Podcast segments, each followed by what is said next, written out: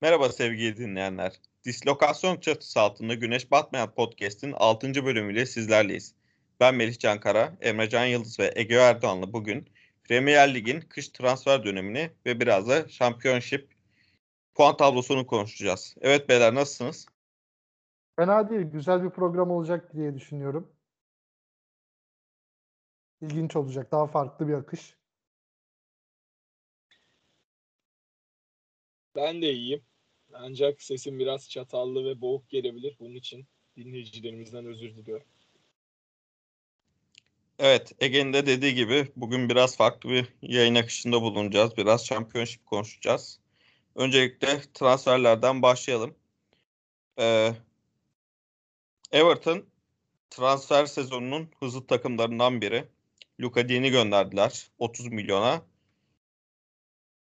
Vito Vitali Mikolenko'yu aldılar 23 milyona. Bir de Nathan Patterson'ı aldılar Glasgow'dan. O da 14 milyona. Toplam 37 harcayıp 30 kar, e, gelir elde ettiler. Ne düşünüyorsunuz?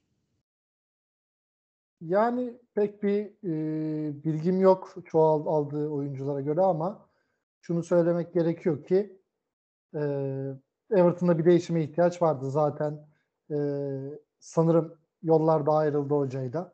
Benitez hocayla. Daha tam resmi mi değil mi onu göremedim ama Everton'da biraz oraları karıştırıp e, yeni bir şeyler umacaklar.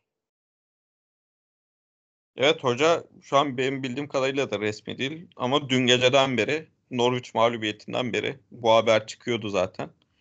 Ya ben şöyle bir şey söyleyeyim.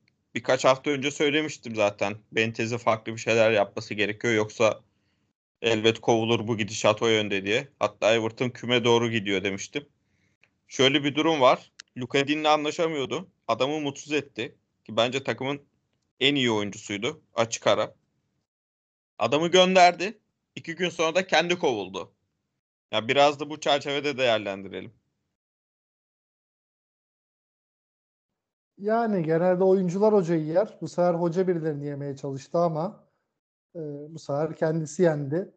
Hocaya Çin'de başarılar diyorum. Çin'e giderken bana da bir haber versin. Sonra birden beklenmedik şekilde yakalanıyoruz. Emrecan sen ne diyorsun? Valla haftalardır konuşuyoruz zaten. Everton bu sene hiç beklenmedik şekilde başladı.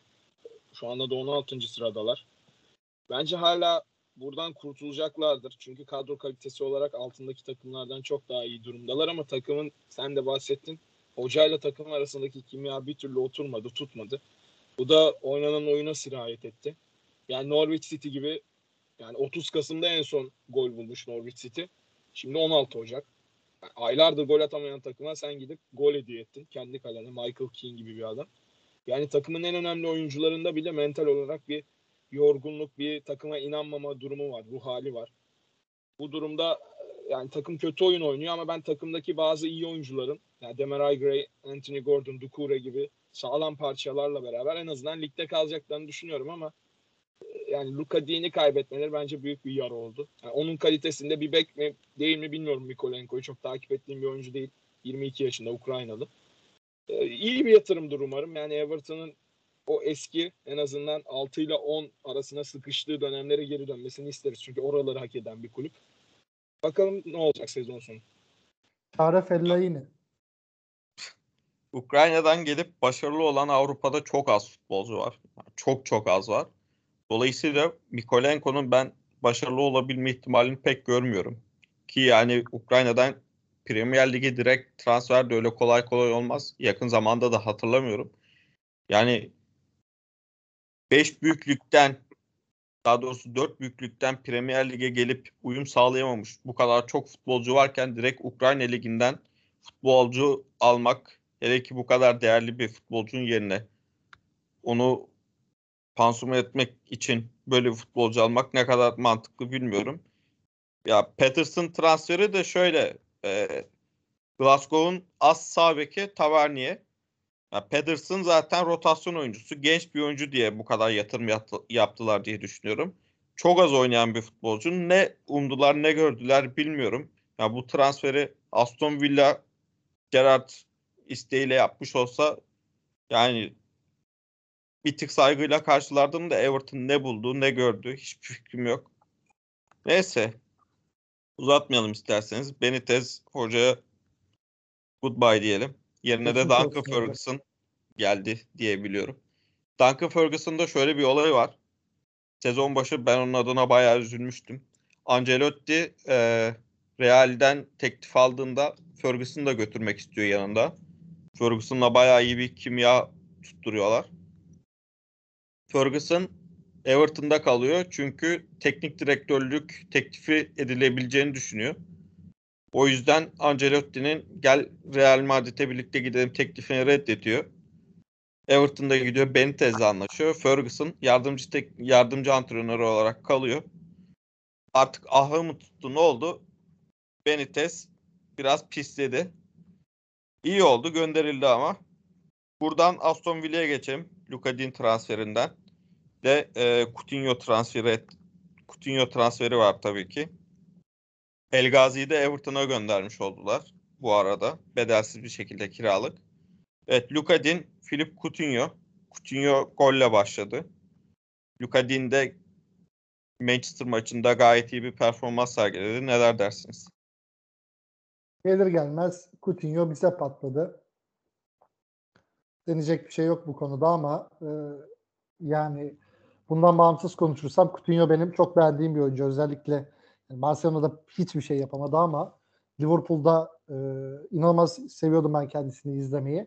Liverpool onu sattığında işte yine oyuncumuz gittiği gibi konuşurken e, hem kendine finansal açıdan yardım oldu hem de Barcelona'daki sonra düşüşüyle e, belki de çok çok iyi bir hamleydi. O açıdan e, güzel oldu bence e, Aston Villa için. Çok önemli bir oyuncu. E, yanılmıyorsam e, satın alma opsiyonu da var. Yani Aston Villa Gerrard'la beraber bir şeyler yakalarsa ve kulüpte yatırım e, yapmayı düşünürse Coutinho iyi bir tercih. 40 milyon civarı bir satın alma opsiyonu var. Verilir. Premier Lig için o para o paralar bir şey değil. Yeter ki oyuncu oynasın, kulüpte para harcamaya karar versin. Emrecan? Aston Villa Steven Gerrard'ın gel takımın başına geçmesiyle beraber müthiş bir ivme yakaladı. Sadece e, neredeyse büyük maçları kaybettiler. Top 6'de oynadıkları maçları kaybettiler diyebiliyorum. E, belki onun dışında bir mağlubiyetleri daha vardır şu an tam bilmiyorum ama kadro olarak zaten kaliteli bir takımdı bence. Ama bunun üzerine de koydular. Zaten yazın Jack Grealish'ten gelen, daha doğrusu Jack Grealish gitmeden onun yerini daha gitmeden doldurmasını çok iyi bildiler ama mesela bazı oyunculardan gerekli verimi alamadılar ileri uçta. Bunların da en başında Buendia'ya geliyordu. Hani takımın en çok ayağına top yakışan ismiydi ancak gerekli verimi sağlayamadı bir türlü. Çok da ciddi bir meblağa gelmişti. 38.4 milyon euro gibi bir meblağa gelmiş. Ee, onun dışında ileriye topla oynayabilecek bir oyuncu lazımdı bence. Çünkü ilerideki oyuncular genel olarak hızlı ve patlayıcı oyuncular. Ama topla beraber çok da yetenekli olduklarını söyleyemem. Ee, belki Trezeguet vardı ama Trezeguet de uzun zamandır oynamıyor. Coutinho bu anlamda bence hani çok doğru tercih. Premier Lig tecrübesi olan bir isim. Hala yaşı genç. Ee, alınabilecek bir risk. Gerrard'la arasında zaten daha önce kurulmuş bir bağ var. Ee, eski takım arkadaşları. Ege'nin de söylediği gibi zaten gelir gelmez adam boş kaleye de olsa etkisini gösterdi. Oyunun içinde de gerekli noktalarda aktifti. Aston Villa'nın attığı ilk golde de e, çok güzel bir ver kaçı ikili oyunu vardı. Coutinho transferini çok doğru buluyorum. Luka Dean transferine gelirsek olağanüstü bence. Çünkü Luka Dean'in peşinde birçok Premier Lig ekibi vardı. Bunların da başında Chelsea geliyordu.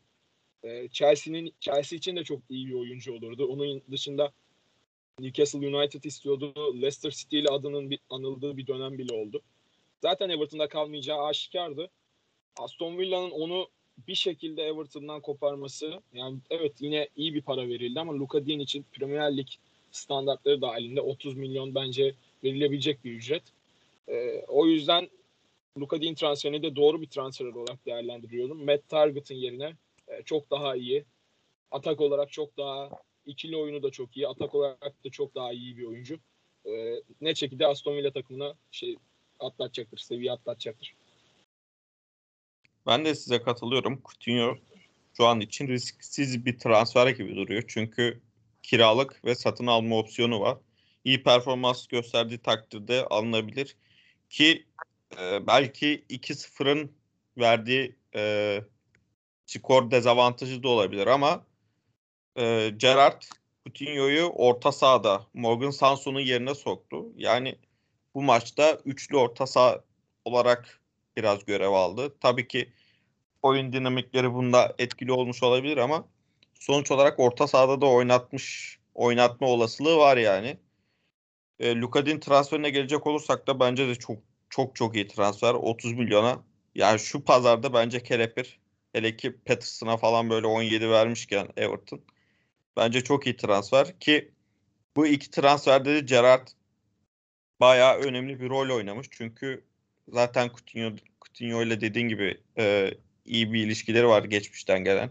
Ki transfer açıklandıktan sonra da Gerrard e, lakabı sihirbaz olan bir futbolcu ne kadar kötü olabilir ki diye bir açıklama yapmıştı. Luka Dinde geldikten sonra ya ben buraya biraz da Gerrard için geldim dedi. Gerrard'ın yavaş yavaş kulübe Aston Villa'ya imza atmaya başladığını görüyoruz. Oyun olarak da dediğin gibi skor olarak da bir gelişme var. Bakalım ne olacak? Ekleyeceğiniz başka bir şey yoksa Newcastle'a geçelim. Yani benim yok. Sadece şunu sorayım. Ee, bununla ilgili birkaç haber gördüm ama hani resmiyet olarak bilmiyorum. Maaşını ödeyecek mi e, bu sezon için yoksa onu da ödemeyecekler mi? Ödemiyorlarsa zaten inanılmaz bir transfer. Tamamını değil ama büyük bir kısmını ödeyecek diye biliyorum. Yine hepsi olmadığı için bence güzel. Zaten Barcelona bildiğimiz gibi mesela Pjanic örneğinden e, elden kimi çıkarabiliyorsa hani bu sezonluk en azından bir şeyler deniyor. Aynen. Villa için finansal olarak da çok güzel transfer. Ya Ferran Torres'i e, kayıt kayıt ettiremiyorlardı. Maaş bütçesinden, takım bütçesinden dolayı. Hem orada Umtiti sözleşmesinde revizeye gitti. Bütçesini düşürdü. Hem işte e, Coutinho'yu gönderdiler. Orada da bayağı bir yer açıldı. İsterseniz Newcastle'a geçmeden küçük bir Ferran Torres transferi de değerlendirelim. Yani City pek verim almadı bir oyuncuyu 55 milyon artı 10 milyon bonusa yani toplamda 65 milyona gönderdi diyebiliriz. Yani zaten sezon başından beri neredeyse sakat. Çok az maça çıktı. Şu haliyle bile 55'e 20 küsürü aldığı bir futbolcuydu yanlış hatırlamıyorsam. 25 milyon civarı 25 yoktu bile. 55 artı 10 milyona gönderdi ne dersiniz? Bu Barcelona geri zekalı. Ya bu kadar diyorum ben. Barcelonalı varsa dinleyen e, kusura da bakmasın. Umtiti'ye falan 12 milyon veriyorlar. Yani geç, son kaç 5-6 senedir belki daha bile fazla. İnanılmaz saçma transfer, inanılmaz saçma maaşlarla e, gerçekten bu takım mahvoldu. Yani yapmaları gereken bence böyle transferlerden çok yine La Masia'ya dönmek. E, ki Araujo mesela çıkıyor stoper. E, işte Gavi çıktı, Pedri çıktı. Önemli oyuncular çıkıyor. Yani oraya biraz daha yönelip bu tarz transferleri e, yapmayıp bir süre daha bir alt kademeye oynarız biz. E, ama oyuncularımızı da geliştiririz diye düşünüp bir yana ekonomilerini toparlasalar çok daha mantıklı. Ama böyle yapmadılar. Yani ben Barcelona'yı anlamakta zorlanıyorum. İşte De Jong transferi, Braithwaite zaten onlara hiç gelmeyelim. Yani bence bunun, bunun hakkında bir şey diyeceksem Manchester City inanılmaz iş yaptı. Ee, yani Guardiola da biraz bağ olmuştur bu transferde bana göre. Bir Barcelona ile ya siz bize şu kadar çıkarsınız falan filan gibisi. Ya da şey gibi de olabilir. E, Atletico Madrid Chelsea. Yani bu transfer da ileride başka şeylerin anlaşması gibidir. Belki de. Yani dediğin gibi e, City zaten açılış fiyatı olarak 75 belirlemişti. İşte pazarlıkla falan Guardiola'nın araya girmesiyle orada biraz Ferran Soriano ile işte Barça bağları falan filan 55'e bağladılar. 65'e de çıkabilir tabii ki ama Emrecan sen ne dersin?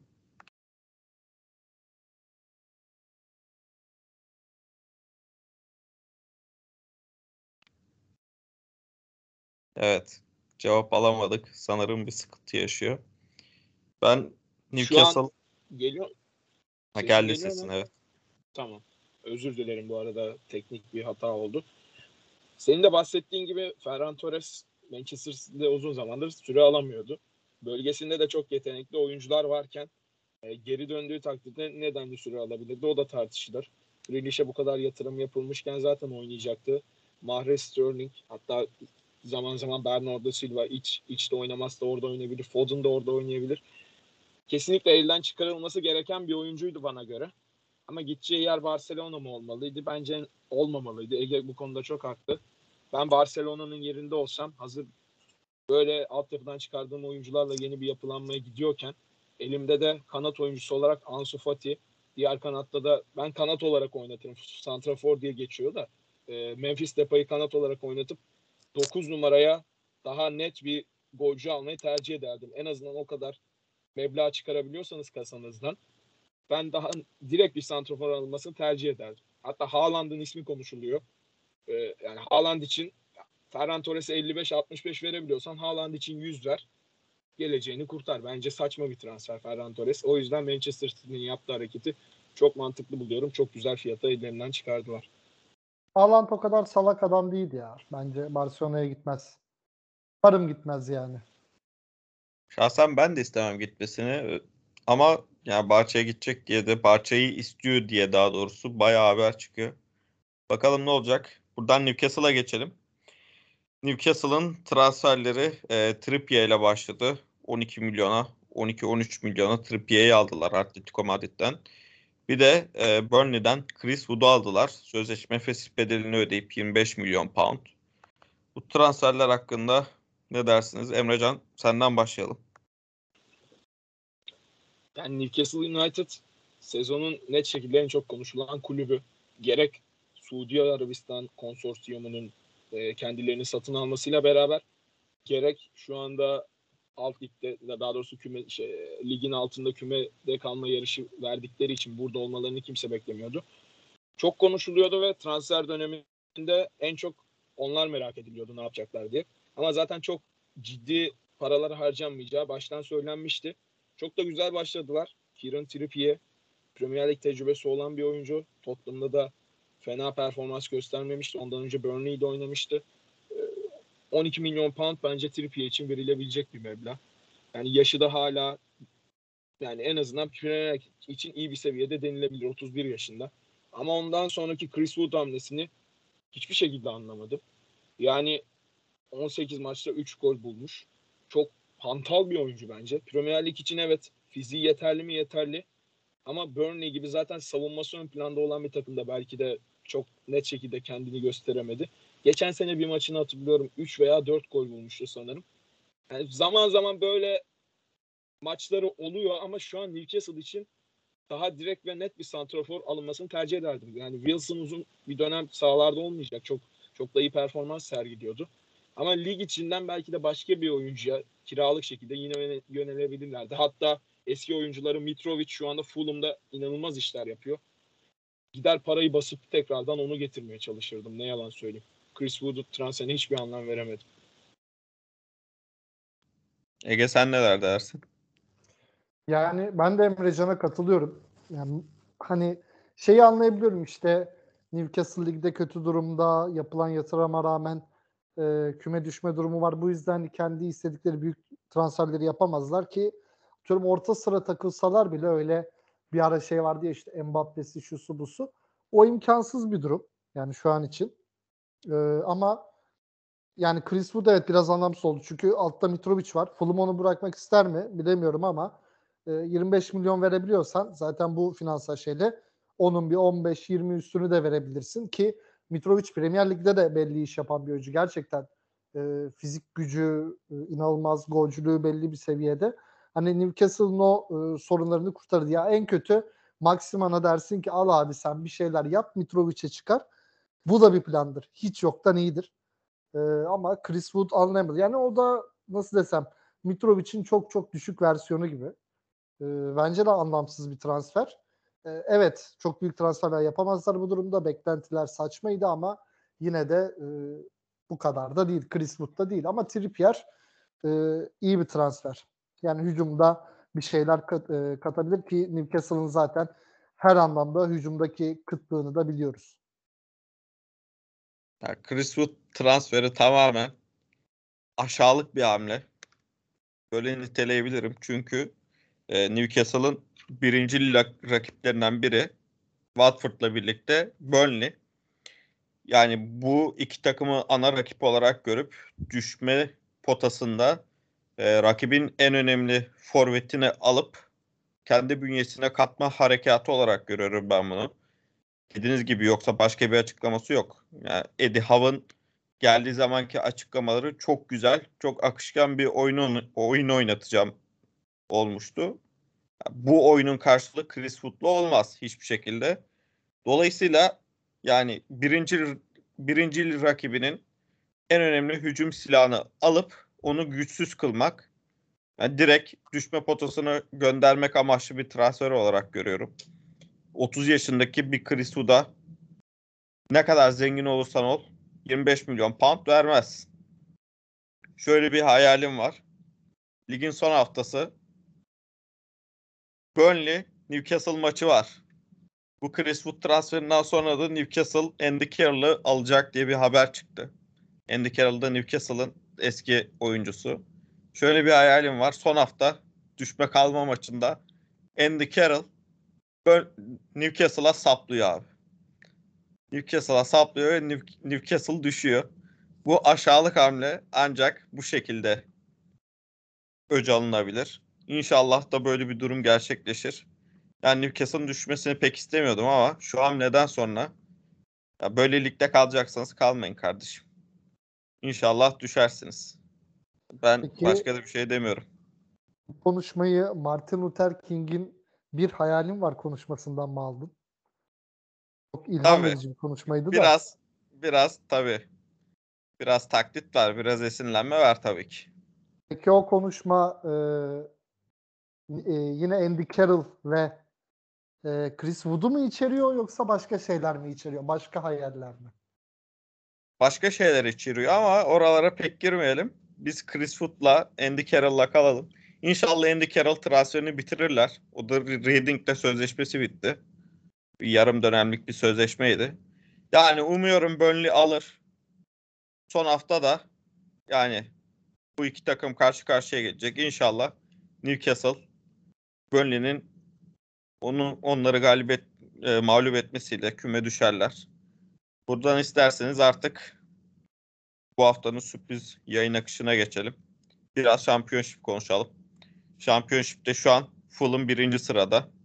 ikinci Bournemouth ve playoff potasında da Premier Lig'in aslında eski gediklileri var. Blackburn, QPR, West Bromwich ve Middlesbrough. Şimdi Fulham'da zaten demin de bahsettik. Mitrovic alev almış durumda. En son 25 ya da 27 tane gol attı. Bu hafta da 6 attıkları maçta 2-3 tane atmıştı öyle hatırlıyorum. Yani eski gedikliler gelmeye doğru oynuyorlar.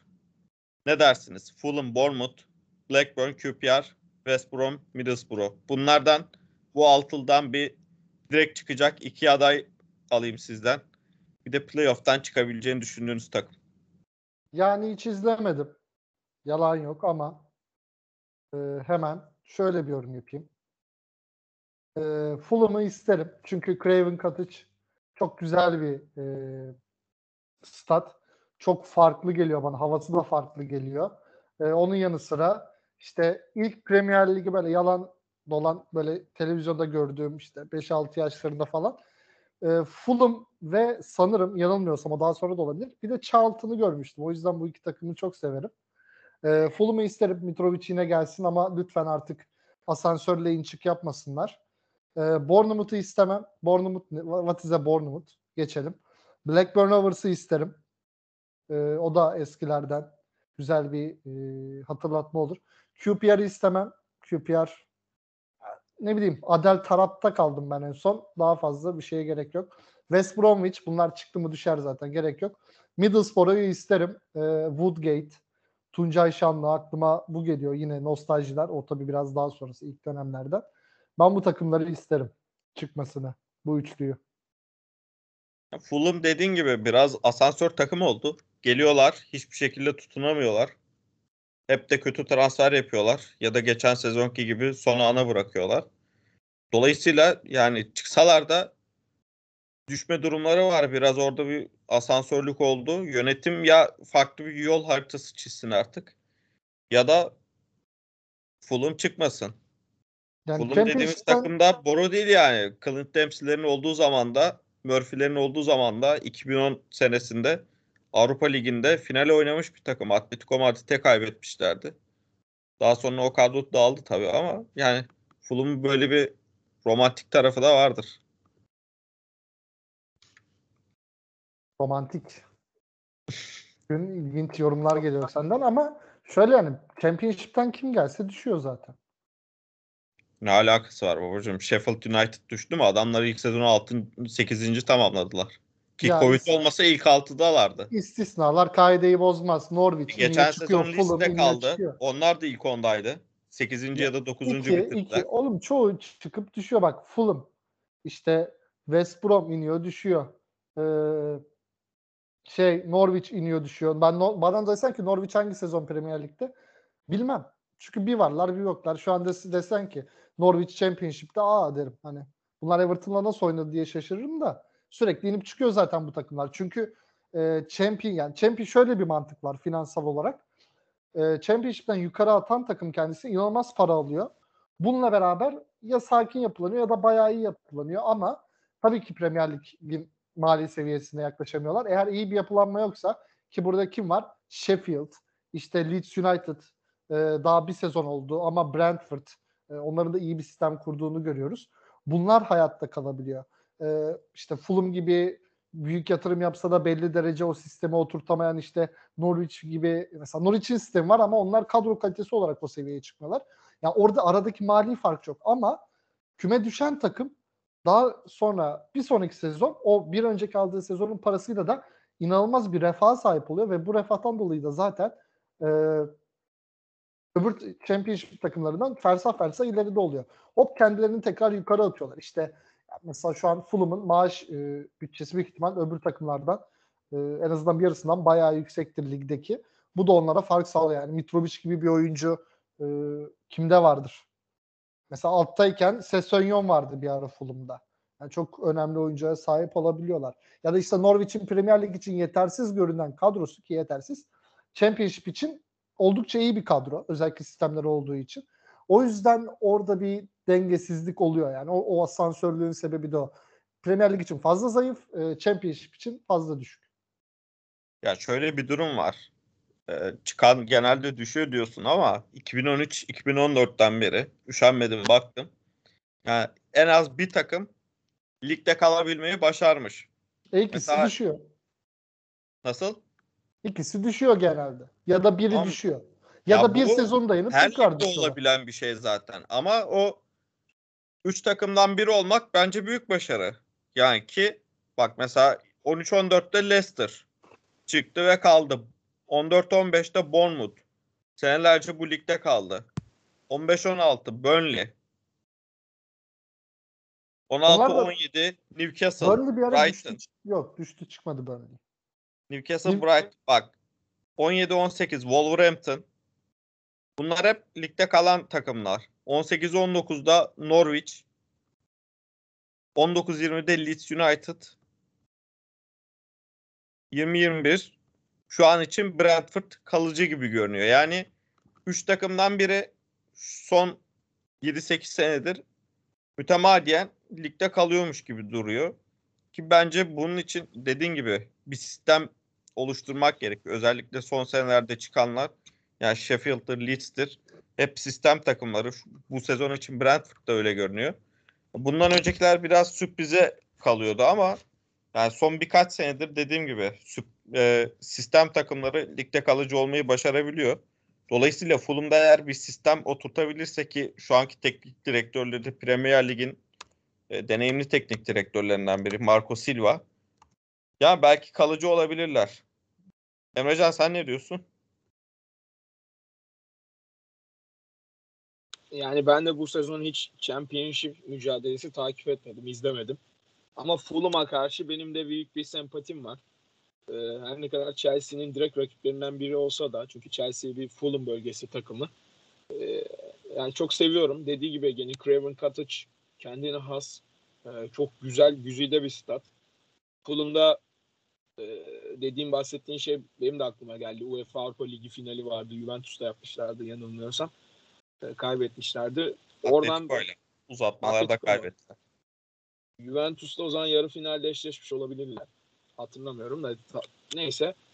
E, Fulham'ın geri dönmesini kesinlikle isterim. Ama umarım asansör takımı olmazlar. Çünkü Ege çok güzel özetledi zaten e, Premier Lig'e çıkan takımların yaşadığı sorunları. Öyle bir futbolcu grubuna sahip oluyorlar ki Championship için kaliteli ama Premier Lig için zayıf kalıyorlar. O zayıf karınlarını çok iyi şekilde doldurmaları lazım. Hala çok iyi parçalara sahipler. Geçen seneden e, stoper ikilisinden birini kaybettiler. Palace'a sattılar Andersen'i ama Adara Bioyo hala onlarda. E, deneyimli stoperleri var. Alfie Mawson, Swansea'de oynuyordu. Terence Kongolo. E, sağ bek sol bekleri Kenny Tete çok iyi. Orta sahada çok iyi oyunculara sahipler. Ama en önemlisi Forvet'te Mitrovic gibi bir güce sahipler. Bu adam 27 yaşında. Sanki yıllardır zaten hayatımız içinde de sanki böyle 30-35 gibi hissediyorsun ama 27 yaşında bu adam. İnanılmaz bir oyuncu bence. 27 gol atmış dediğin gibi. Ee, Bu adam Fulham çıkamasa bile Premier Lig'de uzun süre kalmayı hak ediyor. Ee, Umarım Fulham'da kalacaksa da Fulham asansör kulüp olmaz ki biz Mitrovic'i izleyebiliriz. Diyerek Fulham'ın kesinlikle gelmesini isterim. Onun dışında Bournemouth'u çok sevmiyorum. Sevmememin en önemli sebeplerinden biri sağlarındaki kamera açısı. Beni çıldırtıyor. Hiç sevmem. Ülkemizde de Rize Spor'da var bu durum. Bize stadı aynen. Aynen öyle. Hiç sevmiyorum. İzleyemiyorum yani maçı. Aynen çok alçaktan çekiliyor. Bir de bayağı bir kenardan çekiliyor. Aynen. Aynen. Blackburn Rovers için zaten Ege bahsetti. Yani 95 yılında şampiyon olmuş. Büyük bir kulüp. Premier Ligi her şekilde hak eden bir kulüp. Onlarda da Forvet'te çok beğendiğim bir oyuncu var. Ben Brereton Diaz diye bir oyuncu. Yarı İngiliz, yarı Şilili. Şili milli takımında oynuyor. Çok da genç. Yanılmıyorsam 22-23 yaşında olması lazım. 20 gol attı. Onu takip ediyorum özellikle Şili'den dolayı. Bir de FIFA'da bazı kariyerlerimde almışlığım olmuştu orta seviye takımlara. Çok da etkili, hızlı bir oyuncu. Oradan biliyorum kendisini. QPR konusunda çok nötrüm. Ne severim ne sevmem. Ee, gelirlerse hani hayırlısı olsun diyeyim ama West Bromwich'i hiçbir şekilde sevmiyorum. Öyle bir algı oturdu ki West Bromwich böyle hep bir leş futbol gibi geliyor gözüme. Ama geçen sene Sam Allardyce inanılmaz işler başardı. Belki daha önce gelseydi Big Sam takımı ligde tutabilirdi. Onun dışında Middlesbrough'a da benim aklıma direkt Manchester City'ye 8 attıkları bir maç geliyor. 2007 falan olması lazım. 2007-2008. City daha o kadar kaliteli değilken dağıtmışlardı. aldıkları bir forvet vardı. Neydi? Adı sen seviyordun baya. Mido. Hayır hayır. Yok o- yok. o Mido değil. Middle, Afonso Alves. Middlesbrough'daydı. Afonso Alves. Tamam zaten Middlesbrough'dan bahsediyoruz. Ha Afonso Alves aynen. Afonso Alves dağıtmıştı City savunmasını. Ee, O maç geliyor aklıma. Bir de Tuncay Şanlı'yla hani güzel anıları olmuş. Tuncay'ın bir röveşata golü vardı galiba. Middlesbrough'u Ege'nin Ege gibi ben de seviyorum. Onun dışında belki de aşağıdan gelecek Stoke City Huddersfield. Hatta Nottingham Forest zorlayabilir orayı. Güzel bir çekişme oluyor yani Championship'te. Düşme adaylarına bakacak olursak da hani Rooney çok iyi işler başarıyor dedin ama e, derbi bilmiyorum kalır mı kalmaz mı. Biraz 20. ile arasındaki puan farkı da fazla. 11 puan var ama önlerinde yaklaşık 20 hafta var. Kapanabilir Ya ben şahsen kalabileceklerini düşünüyorum. Çünkü bu takım normalde şu an 35 puan olması gerekiyordu ve 35 puanla ya 11. sıraya yerleşiyorlar. Baktığımızda 8 galibiyetleri var. Önlerindeki birçok takımdan daha fazla galibiyet almışlar. Ve yani oyunları da hiç fena değil. Bunu bence gayet iyi iş başarıyor da. Bir 16.ya kadar ya Bristol City'ye kadar baktığımızda da e, 16-21 arası devamlı olarak mağlup olan ya da en fazla berabere kalan takımlar.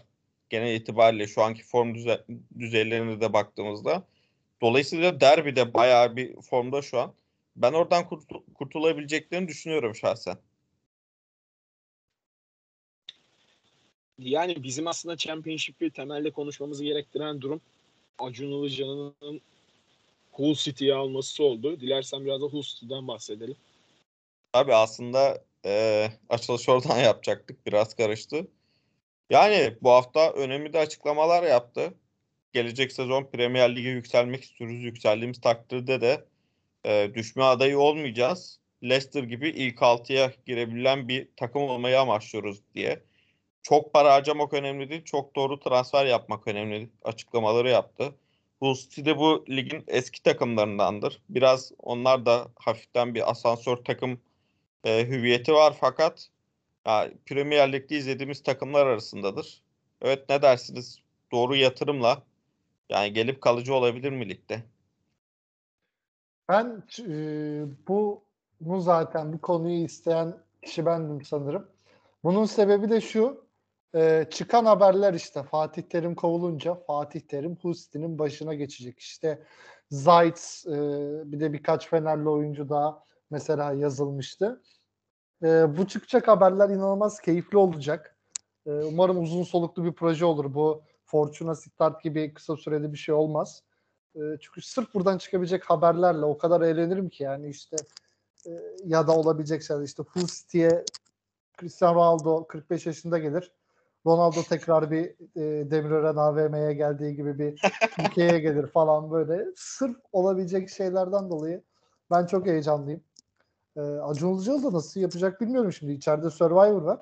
Bir yandan Survivor bir yandan bu yani zor işler.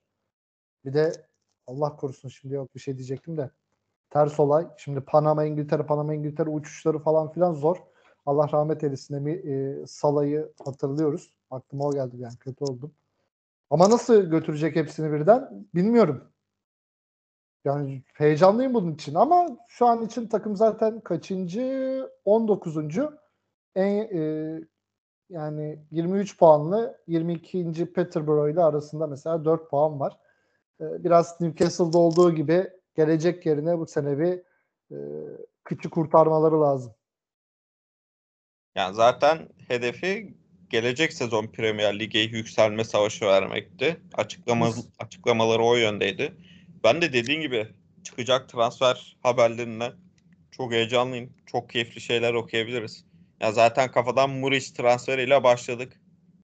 O da sanırım CSK ile anlaşmak üzereymiş. Ama yani Acun Ilıcalı'nın takımı aldığı resmiyet kazandığından itibaren Muriç yani Hull City ve Fenerbahçe karşı karşıya geldi diye haberini görmüştüm ben şahsen. Böyle çok transfer haberi çıkar diye düşünüyorum. Dediğim gibi bize de çok malzeme çıkar. Emrecan sen ne dersin?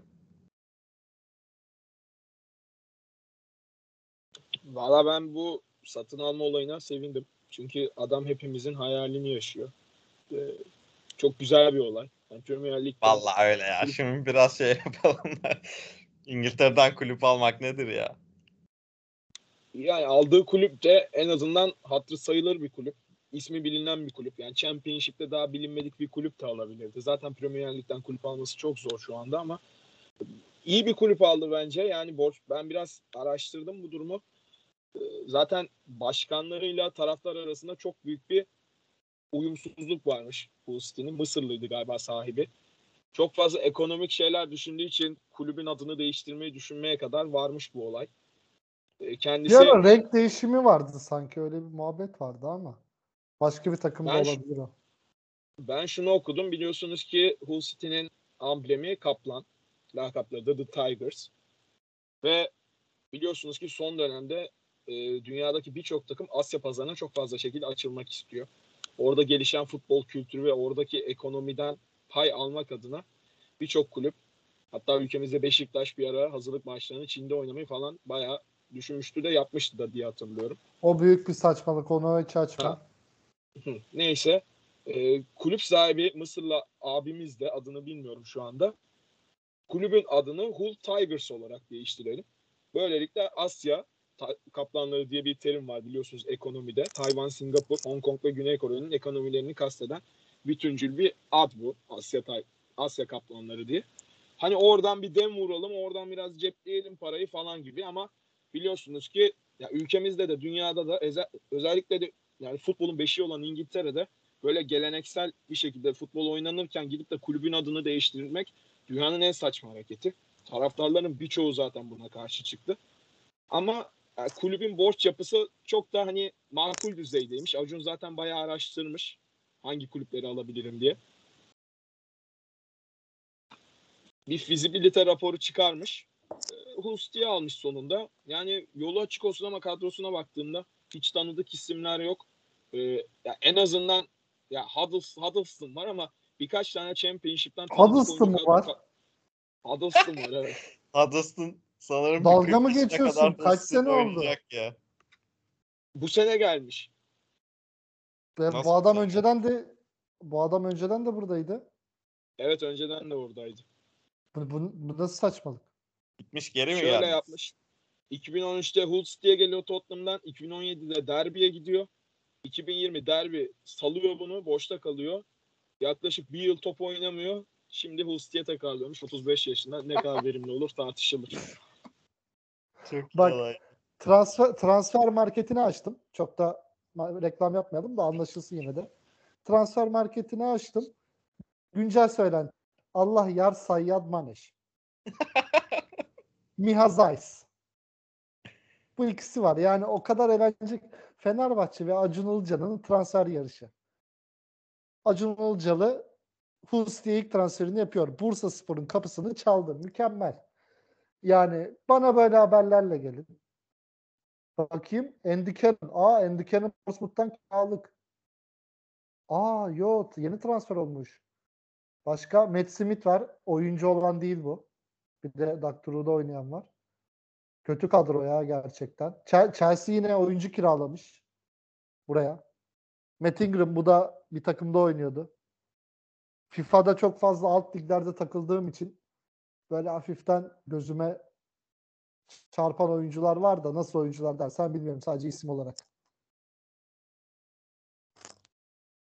Evet o zaman ben de çıkmasını istediğim takımları söyleyeyim ve yavaş yavaş kapanışa geçelim. Ben de sizin gibi düşünüyorum. Ya Fulham'ın çıkmasını isterim. Düşmemesi şartıyla. Blackburn'u kesinlikle istiyorum. Yani senelerdir Premier Lig'de değiller. Blackburn'un e, çok iyi olmayan zamanlarına denk geldik. İnşallah yani Premier Lig'e çıkarlar, kalıcı olurlar. Valla ben Bournemouth'u seviyorum. Ama dediğiniz gibi çok kötü bir kamera açısı var. De yani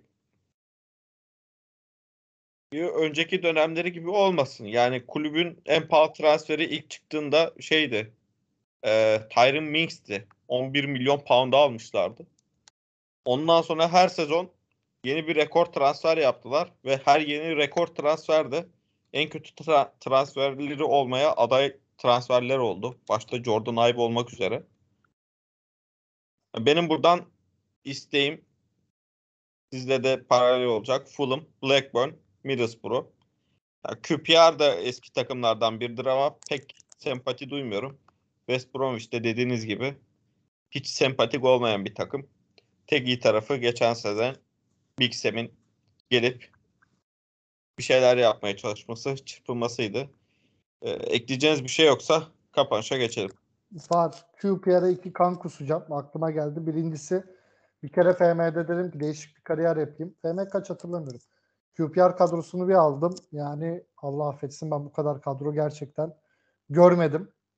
Yani Tarapt var ve diğerleri var böyle. Hani şey Houston'in kadrosu falan yanında inanılmaz iyi kalır. Hani Huddleston'u alsan dersen ki e, bu inanılmaz bir orta saha. Bu çocuğu nereden buldunuz derse o kadar kötü bir orta saha. Bir de QPR klasik e, Premier Lig'in klasikleşmiş Agüero anının e, bir büyük rolüne sahiptir. Yani bir takım son dakikalarda niye Santra ardından direkt topu taca atar? Siz geri zekalı mısınız? O anı canlı canlı izlemiştim.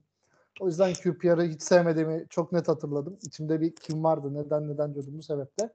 E, Umarım asla Premier Lig yüzü görmezsiniz. Portsmouth gibi düşer ve bir daha çıkamazsınız. Ben başka bir şey demiyorum size. Bir senin çok sevdiğin bir oyuncu oynuyordu bir zamanlar. Joey Barton. Oo evet. o maçta da evet. yanlış hatırlamıyorsam vardı. Joey. Barton, Joey Barton bir şike yapmış olabilir. Beklenir ondan bu tarz hareketler. Bir Marsilya macerası vardı. inanılmaz saçma. Aklıma o geldi şimdi. Şimdi en son çalık falan filan yapıyordu da pek iyi değil gibi. Yani Joey Barton'ın Türkiye şubesi şeydir zaten. Emre Belezoğlu'dur. Ee, aynı hırçınlık, aynı mevki, benzer oyun tabii ki Emre'nin klasına yakın bile değil ama e, Emre Belezoğlu iyi bir hocayken e, Joey Barton'dan onu göremedik. Alt liglerde oradan oraya geziyordu en son. Evet Emrecan senin de ekleyecek bir şeyin var mı? Evet, e, bir şey ekleyeceğim. Ben bir de Huddersfield'ın çıkmasını isterim 7. sırada. Bunun da Bunun da önemli- nedir ya? bunun da en önemli sebebi Huddersfield'da çok önemli bir oyuncu var. Bu oyuncuyu Premier Lig'de görmek istiyorum. Kendisi Lüksemburglu Danel Danel Sinani. Sinani'yi Premier Lig'de görmemiz lazım. Çok kaliteli oyuncu, genç bir oyuncu. Premier Ufak Lig'e tefek bir oyuncu ama galiba. Ufak tefek olduğu için göremeyebiliriz. Biraz ufak tefek ve maçta maça çıkmadan önce fındık yediği iddia ediliyor güç kazanmak adına. O yüzden seni bekliyoruz oğlum. Premier Lig'e gel. Evet biz Sinani'yi sezon başı transfer döneminde de konuşmuştuk. Yine programımıza konuk olmuştu. Aradan aylar geçmesine rağmen yine Sinani'yi konuşabiliyoruz. İşte bu da böyle bir program. Ben artık kapanışa geçeyim. Yani Championship'in bu kadar konuşulduğu başka hiçbir program yoktur herhalde Türkiye'de. Vardır. Değiş- değişiklik oldu, güzel oldu diye düşünüyorum. Eski zamanları yad ettik biraz. Evet. Evet sevgili dinleyenler. Dislokasyon çatısı altında Güneş Batmayan Podcast'in 6. bölümüyle sizlerleydik. Dünyanın en iyi liginin üzerinde hiç güneş batmaması dileğiyle kendinize iyi bakın, futbolla kalın. Hoşçakalın. Hoşçakalın.